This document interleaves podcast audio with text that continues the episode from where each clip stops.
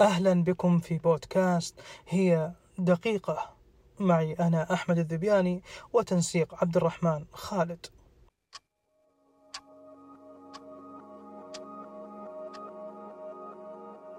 جامبارو إن اليابانيين يعشقون هذه الكلمة لأنها تعني المثابرة والاستمرار.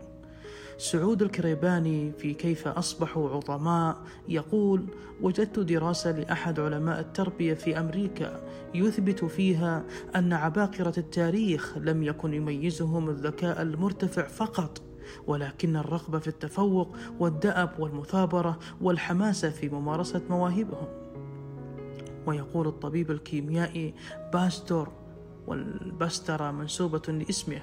يقول أن أهم ثلاث كلمات في القاموس هي العزيمة والعمل والصبر. ويعتبر يعقوب بن إبراهيم من أشهر تلاميذ أبي حنيفة. ولما مرض يعقوب ذات مرة قال عنه أبو حنيفة إن يمت هذا الفتى فهو أعلم من عليها. وقال أبو حنيفة ذات مرة لتلميذه وهو أدرى الناس به كنت بليدا فأخرجتك المواظبة. وإياك والكسل فإنه شؤم وآفة عظيمة. وأخيرا كمبارو هي سر نجاحك متى أردت؟ محبتي.